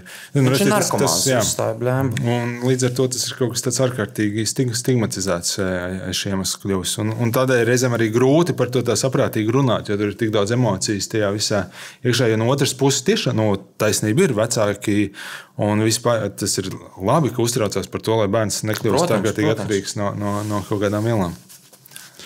Bet te nav arī tā problēma, ka mums nav vienkārši bijusi tā narkotiku izglītība pietiekami gara, vai eh, teiksim, gan vecāki, gan sabiedrība nav pareizi ar to iepazīstināti. Jo kopš pat 90. sākuma tā pati zālīte, MDMA, uh, ir mests vienā maisā heroīna. Viss ir, kā, tas viss ir vienlīdzīgi. Nāve un šausmas. Lai es atceros, uh, manā mamma vienreiz prasīja, vai es arī špricēju zālīti. Tā kā bez ironijas, bez nekā tāda ļoti nopietna. Tā arī špricēja to zālīti. Wow! wow! ok! Un, uh, ja, piemēram, es to esmu kaut, kaut kādās sarunās daudz runājis, skaties, bija 60. gados Rietumē Eiropā hipija revolūcija, puķu bērnu revolūcija? Mm -hmm. Kad visi uh, dubļos ņēma LSD un vuds tā kā darījās, un uh, bija šis šausmīgais vilnis, šausmīgais waves. Tas nozīmē, ka rietumu pasaule ar to ir daudz, daudz, daudz ātrāk iepazīstināta. Kā rezultātā tagad tur jau psilocibīnu skatās medicīnā, kā nu, sēnes maģiskās, kā ar viņām varētu būt potenciāli pat jau nākotnē. Jo vienā brīdī tas viss psihodēlī tā pati viņa bija arī. Uh, 70. vidū done out, viss aizliegts maksimāli. Un tagad jau ar psilocibīnu sāk eksperimentēt depresijas ārstēšanai, trauksmes noņemšanai, alkoholismu ārstēšanai. Un marihuāna daudz kur jau ir legalizēta pilnībā. Bet Latvijā tas joprojām mēs visu vairāk vai mazāk metam vienā maisā. Jā, tas, protams, ir savā ziņā e, padomju mantojums, bet tas nav tikai tā padomju, jo e, kaut kāda līdzīga, ārkārtīgi represīva sistēma bija arī piemēram tajā pašā Amerikā, kur e, Protams. nu, tagad tas ir sāk, sāk nedaudz pamainīties, jo izdevīgi tas nav nevienam izņemot na- narkotiku tirgotājus un, un, un policistus, nu, kas tos narkotiku tirgotājus ķer. un Tā izveidojas tāda sistēma, kurā tas, tas viss noteikti pieaug un tas nevienam nepalīdz. Un, un, šie, un šie cilvēki nokļūst cietumā, lietotāji, kas ir nu, vismazāk vainīgi. Tā. Re- Respektīvi, tā sistēma ir slikta visiem. Un tas nekādā veidā nepalīdz. Mēs redzam, ka vienā sabiedrībā, mums, mums, mums starp citu, Latvijā ir bijuši viena no super visstingrākajiem, eh, k- radikālākajiem narkotiku apkarošanas likumiem. Un mēs redzam, ka tas mums nekā īpaši nepalīdz uz citu valstu fonu. Lietošana vispārējās lietas ir turās pietiekami augstā līmenī. Līdz ar to mēs redzam, ka tas nestrādā. Tas, ko tu saki par, par vielām, jā, protams, līdzīgi kā mēs runājām, ir vielas, kuras ienākušas no citas narkotiku kultūrā, no farmakoloģijas. Nu, amfetamīns ir tāds labs, labs piemērs, un līdzīgi arī opiāti un citas lietas. Mm. Un, protams, Zanaks, kurš kā tik Un, un Zanaks, kas, kas ir šobrīd, šo- šobrīd kļūst. Bet, man tur ir divējādas jūtas, jo, jo pirmkārt, vispār psihofarmakoloģija ir, ir tāds no a- atsevišķa tēma. Vai ir vērts viņas šīs vielas ieviest, ienest sabiedrībā tā kā caur tādu medicīnas prizmu? Es neesmu drošs, ka lai arī tiešām tie ir taisnība, ir tādi pētījumi, ceļš ar MDMA, tēt ļoti labi. Eh, Kur psihoterapijā pievieno MDMA klāt, un tā ir lieliski rezultāti. Tā. Es domāju, vai nav tomēr eh, jēdzīgāk iet to ceļu, kurā pateikt, ka nu, cilvēki vēlās apreibināties. Un mēs esam sabiedrība, kurā eh, tas ir legāli. Un, Restīvi, mums ir legāli apreibināties, mēs dzeram alkoholu, darām citas kaut kādas lietas. Jā, e, vai mums nav drīzāk iespējams šo diskusiju virzīt no tādā mm, nedaudz mierīgākā? Un es domāju, tas arī ar, ar marihuānu ir tas pats, e, ka ir šī it kā tas, tā kustība uz marihuānas legalizāciju medicīniskiem nolūkiem. Kas, manuprāt, nav īsti labi. Tāpēc, ka, pirmkārt, nu, ja mēs tā ļoti godīgi skatāmies, tad marihuāna nav nekādas teiksim, īpaši efektīvas, zini, ļoti, laba, mm, ļoti labs relaksants un atslābinātājs, bet nav varbūt tik labs medicīnas, medicīnā izmantojams līdzeklis. E, Un otrs, tas, kas notiek, ir vienkārši ārsti tiek padarīti par zināmā veidā e, nu, narkotikiem, kuriem tas kļūst ļoti izdevīgi, un viņi sāk to izrakstīt e, saviem pacientiem. Tas vēl vairāk mazina e, šo te, nu, nos, nositi profesijas prestižu, aizvien vairāk cilvēku vēršas pie ārsta vienkārši tāpēc, lai dabūtu recepti un, un dabūtu kaut ko, ar ko apreibināties. Un es, tas arī droši vien nav tāds um, veiksmīgākais ceļš. Um, nu, man šķiet, ka tas ir tā. Akal, tas ir tas demonizēšana. Jo vairāk mēs kaut ko demonizējam, respektīvi, jo vairāk valdība, sabiedrība kaut ko demonizē, kas šajā gadījumā ir narkotikas, narkomāni, jo vairāk tur nostrādā tas dumpīgā un protesta tīņa efekts. Kad skaties, ja tu esi veselīgs tīnis, tu esi probably dusmīgs tīnis, tu esi fucking dumpīgs, tu esi protestā pret kaut ko. Un jo vairāk tev pasaka, nē, nē, nē, jo vairāk tev tas, jā, man to vajag. Un, Portugālē bija e, Portugāles piemērs, laikam, apliecina, ka šeit ir liela daļa taisnības. Jo e, Portugāla bija vieta, kur bija ārkārtīgi augsts heroīna lietotāju skaits, un tā ir kļuvusi par tādu piemēru, nu, vispār, kā, kā šo lietu dīlot. Un viena lieta, ko viņi izdarīja, viņi ieviesa šīs injicēšanas istabas. Un, respektīvi, ir telpa, kurā tu atnāc. Tā ir principā slimnīca, kā poliklinikas telpa, kur ir māsīņa halātā, kur viss ir sterili, e, kur tev tu atsēdies, tev uzliek žņaugu, viss izdara, inicē heroīnu, tu pieslies ne prom. Es jau ļoti medicīnas apstākļos. E, Izskatās, ka tas ir bijis super e, veiksmīgs apkarošanas līdzeklis, jo, protams, tikko tu sāc to darīt kā slimnīcā. mm, Tā šī narkomāna identitāte vairs nav tik, nu, tik pievilcīga, e, nu, un ar to kļūst daudz vieglāk tikt galā. E, Jo, protams, ka narkotika lietošana ir ārkārtīgi liels subjektīvais faktors, un tas, kā mēs, starp citu, labs piemērs, teiksim, cilvēks, kas lieto to pašu morfiju, morfiju slimnīcā, viņa pieredze un viņa sajūtas, un tas, kā viņš par to jūtas, ir pilnīgi radikāli atšķirīgs no narkomāna, kurš e, iešpricē heroīnu. Rokafēnīte stulta. Jā, tā kā, kā tā pati eh, nosacīta, tāpat vēl tie paši efekti, bet eh, pilnīgi absolūti dažādas nu, tās pieredzes un dažādas identitātes. Nu, viens kļūst par, vi- viens ir žēlojams eh, slimnieks, otrs ir nosodāms narkomāns. Nu, mm, tāpēc, protams, tas, kā sabiedrība pret to attieksies, un tā ir taisnība, to stigmatizē, bet no otras puses līdz ar to to padara par tādu veselu identitāti. Piemēram, es esmu narkomāns, un es esmu. Tā, starp citu, arī tāda lieta, ko redz no tā, kas strādā ārstēšanā, ka viena no sliktajām lietām, kas tev ir sliktāks rezultāts, ir tad, ja tu esi ar to identificējies. Respektīvi, ja tu identificējies, ka tu esi atkarīgais, vai tu identificējies, ka narkomāns. e, Tad tev ir daudz mazākas iespējas kaut kad izkļūt no, tās, no, no tā cikla. Nu, protams, mēs pieņemam to kā Nu, tādu jā, daļu. sabiedrība jau arī tev nogriež to, to spilvenu drošības, kad eh, tajā brīdī, kad tev noķer, tajā brīdī, kad tev nosoda par to, ka tu esi Tev narkomāns, tev grāmatiņā ieliek cietumā. Tev, tu esi marķēts, tu esi marķēts. Tev vairs nav īsti iespējas atgūties no tā, jo sabiedrībā esi, tev ir uzlikts zīmoks, ka tu esi narkomāns. Un, Kaut arī tev vienkārši patīk iešķirīt. Jā, nu, tā, kā, tā lielā problēma, manuprāt, jau ir tā, ka cilvēkus nosoda, nevis viņiem palīdz. Un, tas vienkārši rok tiem cilvēkiem vēl lielāku bedri, no kuras ir vēl grūtāk izkāpt. Absolūti. Nu, jo ir cilvēks, kurš eh, teiksim, eh, dienas pavada meklējot, kur var eh, noskrūvēt mašīnai riepas, lai, lai nopirktu tur kārtējo tur, teiksim, heroīnu devu, tad, protams, viņš to visticamāk nedara, tāpēc tas ir viņam ārkārtīgi patīkami un tāda baudpilna dzīve, kur viņš izbauda, bet tāpēc, nu, viņam ir nopietnas veselības problēmas. Un visticamāk, viņam vajag ciet, nevis cietumu, bet ārstēšanu. Ja mums ir pusaudzis, kurš pīpē zāli, ar draugiem. Tas ir visticamāk, viņš to dara, tāpēc, lai viņš būtu ar draugiem un lai viņš nu, veidot savas sociālās saiknes. Un iespējams, viņš to dara, lai mazinātu savu trauksmi. Piemēram, kad viņam arī varbūt var palīdzēt eh, mazināt trauksmi citā veidā, un varbūt var nu, veikt kaut kādu citu intervenciju un, un piedāvāt nu, drošākus tādus veidus. Nu, ir, ir, ir ļoti dažādi stāsti, bet, bet šādā sistēmā viņi visi iet kopā. Tas viss ir nelegāls un kas ārstējams momentāli nu, psihiatriskajā slimnīcā, bet, nu, vai, vai, vai sliktākajā gadījumā cietumā.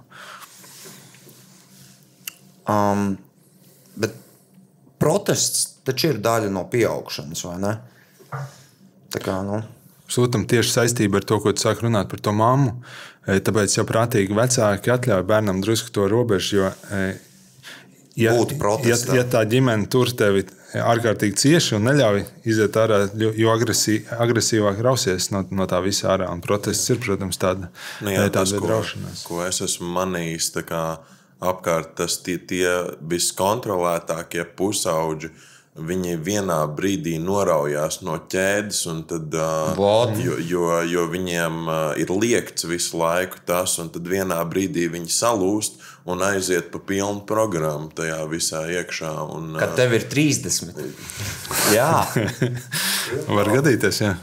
Vajag, zin, kā, man, es tev ļoti labi piekrītu. Man liekas, ka tev vajag rīktīgi dabūt visu ārā, nu, līdz 25. tā kā izšauj visu, dabūn ārā.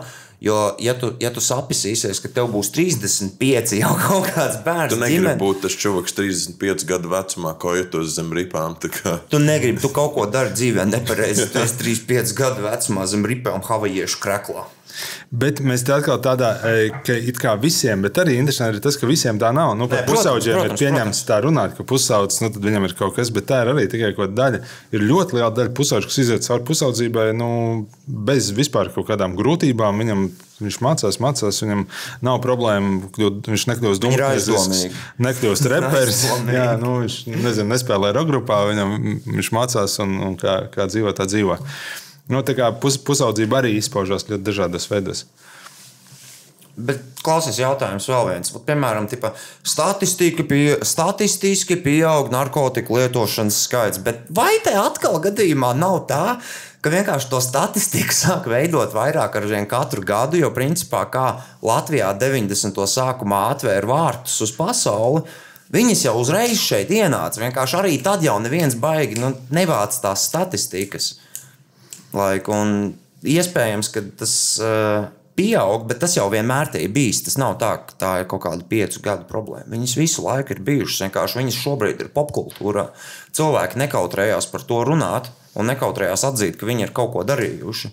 Un tā kā tas ir visur popkultūrā un mēdījos, tad varbūt tāpēc ir tas priekšstats, ka tipa pieaug lietošanas skaits, kaut reāli viņš jau vienmēr tāds bijis. Kaut kādā ziņā droši vien līdzīgi ar de, ko mēs runājām iepriekš, tiem depresijas mērījumiem. Statistika vienmēr tāda šaubīga lieta. Tad, kad sāc kaut ko mērīt, tad tas izrādās ir, ir krietni vairāk nekā tu esi domājis pirms tam. E, Droši vien, tas, ko mēra, arī ir nevis e, tur lietotā noteiktā klubā, bet, piemēram, aizturēto narkomānu skaits vai Jā, jā, izmanto jā. narkotiku apjomu. Nu, Tad es tev pilnībā piekrītu, ka kaut kādā nu, sabiedrībā tas vienmēr tā būs. Tāpēc, ka katrs cilvēks ir būtne, kurai bioloģiski ir tendēts uz apreibināšanos. Ir pat daži psihoanalītiķi, kas eh, saka, ka tas ir viens no pamata driviem. Tad mums ir, mums ir drives, eh, tāds seksualitātes drives, tur izdzīvošanas tāds, un, un tad ir drives apreibināties. Nu, kas varētu savā ziņā būt diezgan tuvu patiesībai, tāpēc ka tas ir veids, kā mēs nenojūkam prātā. Nu, Visa informācija un viss apkārt mums ir, un visādas lietas ir pārāk daudz. Mums vajag laiku pa laikam no tā atslēgties. Un mēs to reizēm darām arī e, ikdienā, ejot, bet nu, aizdomājos kaut kur, paskatos telefonā, bet, protams, nu, reizēm ir vajadzīga tāda nu, lielāka atslēgšanās. Tam ir kaut kāda arī pozitīva funkcija. Un pie tam alkohols vispār ir kalpojis sabiedrībai kā tāds e, sociālais lubrikants pietiekami ilgi. Un tas Jā. ir veids, bijis veids, kā cilvēki ir iepazinušies un veidojuši attiecības. Un tam ir milzīga loma pašā sabiedrībā. Ja mēs izņemam to nu, ārā no sabiedrības, vai sākam tabuizēt, nu, tad ir vai nu jāatrod jauni veidi, vai arī nu, cilvēki vairs nebūs tik sociāli. Un ar to ir vienkārši jārēķinās. Um, man ļoti patīk viens tvīts, ko tu biji ielicis kaut kad vasaras vidū baigi labais bija salīdzinājums. Uh, Lielbritānijā festivāla zonas, uh, kur bija šī anonīmā narkotiku pārbaudes telts, kur tu varēji ieiet un pārbaudīt, vai tavs stāvs ir drošs, vai tavas, tavs MDMA, vai tavs kokaīns, vai zāle, vai vienalga, kas, ko tur es lietos, vai viņš ir safe. Latvijā tikmēr pielika blakus bildi, kur ar suņiem vienkārši pat telšu pilsētā. Viņi atkal ar suņiem nejauciet suņus te iekšā visu laiku. Tā kā, tas salīdzinājums. Mans izpētes ir tas, ka sanāca kaut kāda diskusija apakšā zem tā tvīta. Es, es Twitterī izvēros diskutēt pēdējā laikā. Baigi bailīgi. Bet, bet, bet drusku atkāpjoties no tās, no tā narkotika pārbaudēm, es domāju, eh, es negribētu būt, ja man nepatīk liela suņa. Tagad man tiešām nepatīk. Un es atbraucu uz festivālu un pret mani jau izturās kā pret potenciālu narkomānu. Manai teltī garām eh, to, to sunu laišu, kurš man jau tā nepatiktu. Tad, no ko, eh, tas ir kaut kas arī par tādu no savstarpējo tomēr. Cienu manuprāt, kaut, kaut kas tāds ir. Tas ir tā līdzīgi, ka es aizdomājos par to, ka viņi ar tiem suņiem iet skolā. Jā, mēs automātiski jau pieņemam, un, un, un, nu, un kas ja bērnam, piemēram, ir panika no suņiem vai, vai nu, kādam ir traumatiska pieredze, nu, tas tomēr ir visādi citādi apsvērumi, vai tiešām tas iegūms, ka mēs kādam tur to kasīti e, atrodam, ir tik milzīgs, lai nu, darītu tādas lietas. No otras puses, jā, tas, ko tu saki, e, tā Eh, narkotiku pārbaude ir izrādījies ārkārtīgi. Tā, protams, arī jauna lieta arī pašā Anglijā un citur, un ne visur viņu akceptē, un ne visur viņu pieņem. Un tas ir tāds, eh, tāda kustība nu, šobrīd. No, viņi joprojām ir tāda pelēka, grey area. Bet ir jautājums par to, ko mēs skatāmies, kas ir vērtība. Nu, ja vērtība ir, nezinu, atņemt katram, kurš kaut kad lieto un ielikt viņu cietumā, tad, protams, suņi ir labāk. Bet, ja vērtība, piemēram, saglabāt cilvēku dzīvības vai veselību, uzlabot, tad, protams, ka šī pieeja strādā daudz labāk. Viņam reāli ir izdevies burtiski tajos festivālos, kur ir, kur ir šī šīs telpas bijušas, ir burtiski noreducējušās pārdzēšanas un, un hospitalizācijas skaits. Un tāpēc, ka, protams, ka narkotiku lietošanā visriskantākā lieta ir tas, ka nevar zināt, kas, kas šajās narkotikās ir.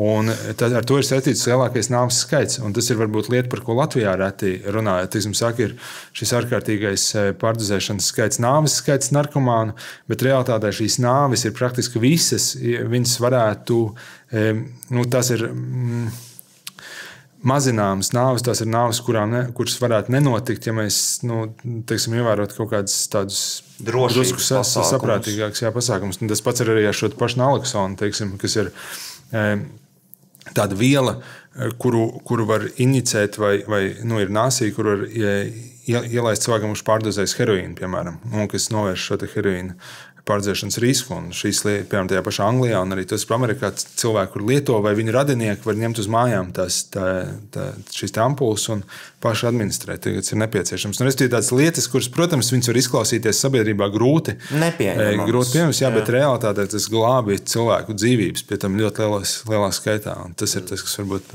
Nu jā, tur tā lieta, ka uh, festivālos tie suņi jau mm, visus nenoķer. Viņi noķer varbūt labākajā gadījumā 20%. Man liekas, 20 pat ir pārāk daudz. Jā, jā, jā.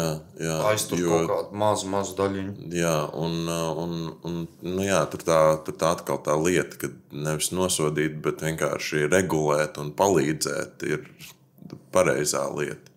Un mācīt lietot saprātīgi. Jā kas ir šī risku mazināšanas pieeja. Jo, protams, nu kā, ideālajā gadījumā nelieto nekad neko. Bet, protams, ka, ja gadījumā to tomēr lieto ar draugiem vai kā, un tā ir lieta, ko mēs arī runājam ar pusauģiem.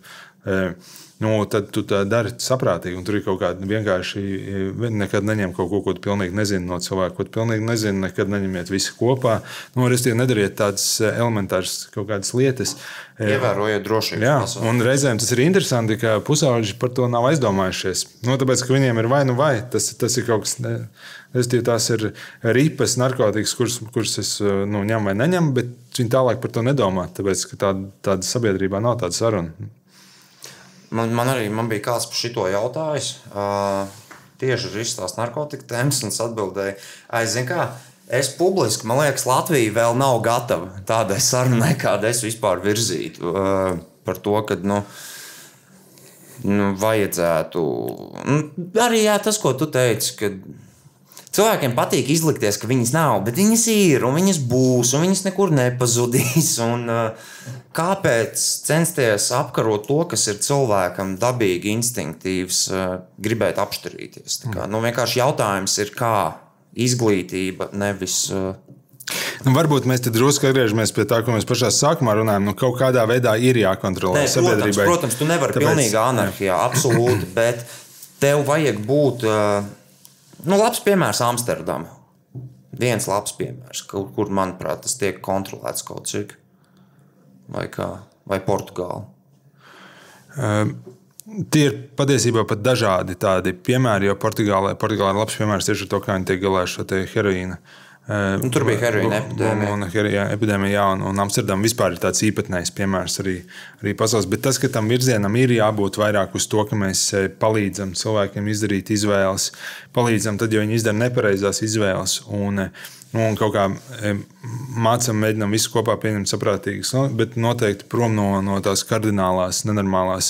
Pie, tam, pie tā viss, kas noslēdzās cilvēkam ar cietumu, tas pats par sevi ir kaut kas ārkārtīgi ļauns. Ceļš, ka nonāc cietumā, tāpēc, ka tu nu, lieto narkotikas, tam nav nekāda. kā cil- Cilvēciska pamatojuma. Tu sēdi kamerā ar cilvēku, kas ir trīs cilvēkus nogalinājis.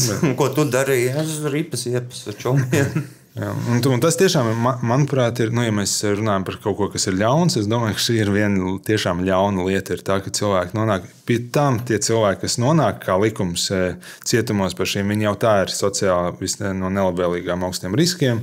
Viņi, kā likums, ir nabadzīgāki, viņiem ir sliktāka veselība, viņiem vienmēr būs kaut kādas citas garīgās veselības problēmas. Un, es, ja mēs diskriminējam un stigmatizējam no reāla sabiedrības daļu uz ārkārtīgi, manuprāt, muļķīgiem eh, pamatojumiem un apsvērumiem. Um, kā tev liekas, vai Latvija, vai Latvija, un ja būs, kad viņa būs gatava uh, nevis suņiem, telšu pilsētiņā, bet teltī anonīmajai, kā tev liekas, vai tu to redzi kā kaut ko iespējamu? Jo es to neredzu vēl tuvākos 20, 30 gadus. Es pateikšu, godīgi, ļoti grūti. E, nu kā, pie, pie mums jau vispār, e, ja mēs apstāmies, kā vispār skatās uz narkotikām un kā uh, baby steps, bet, bet no tā palīdzība, kas šobrīd ir pieejama, principā joprojām vienīgā palīdzība, kas uh, no, nosacīt narkotiku lietotājiem ir pieejama, ir, ir šī 12 soļu ārstēšanas psihiatriskajās slimnīcās. mm, Kas ir pilnīgas abstinences programmas, kas izveidojās kaut kad 50. gados Amerikā un gluži tādiem citiem, bet ta- un tas eh, joprojām ir bezmaz tāda, tāda vienīgā pieejamā eh, lieta. Ir, ir ļoti maz kaut kādas sa- sabiedrībā balstītas vai pašu lietotāju iniciatīvas, nu, kaut kas, kaut kas tāds, kas, kas citur sāk notikt. Un droši vien, šeit mēs nonākam pie diskusijas par, par marihuānas legalizāciju, kas arī kaut kādā laikam ir vienā un tajā pašā, nu, vai, vai, vai, tas būtu vai nebūtu, un, un cik ātri to var sagaidīt. Bet no otras puses ir kaut kādas mazas lietiņas, kas ir diezgan modernas patiesībā Latvijā notiek, un es domāju, viņas notiek tāpēc, ka cilvēki tam nepievērš uzmanību un, un, un ļauj viņam attīstīties. Piemēram, mēs bijām viena no eh, diezgan ātrām vietām, kur eh, parādījās šķietšu apmaiņas punkts. Nu, Respektīvi, ja es nemaldos, tas jau bija 90. Bet, bet tā ir lieta, par ko joprojām diskutēt, citur, vai, vai tā va- varētu vai nevarētu. Bet mums ir jau darbojies diezgan sen un diezgan progresīvi. Mm, Tikai es domāju, tas eh, varbūt kaut kādos tādos mazos, eh, mazās iniciatīvās, mazās, bet tā valsts, jā, bet valsts mērogā nu, ļoti grūti. Es paredzu, ka tas būs. Drīzāk tas būs no ārpuses, nu, līdzīgi kā ar to marihuānu.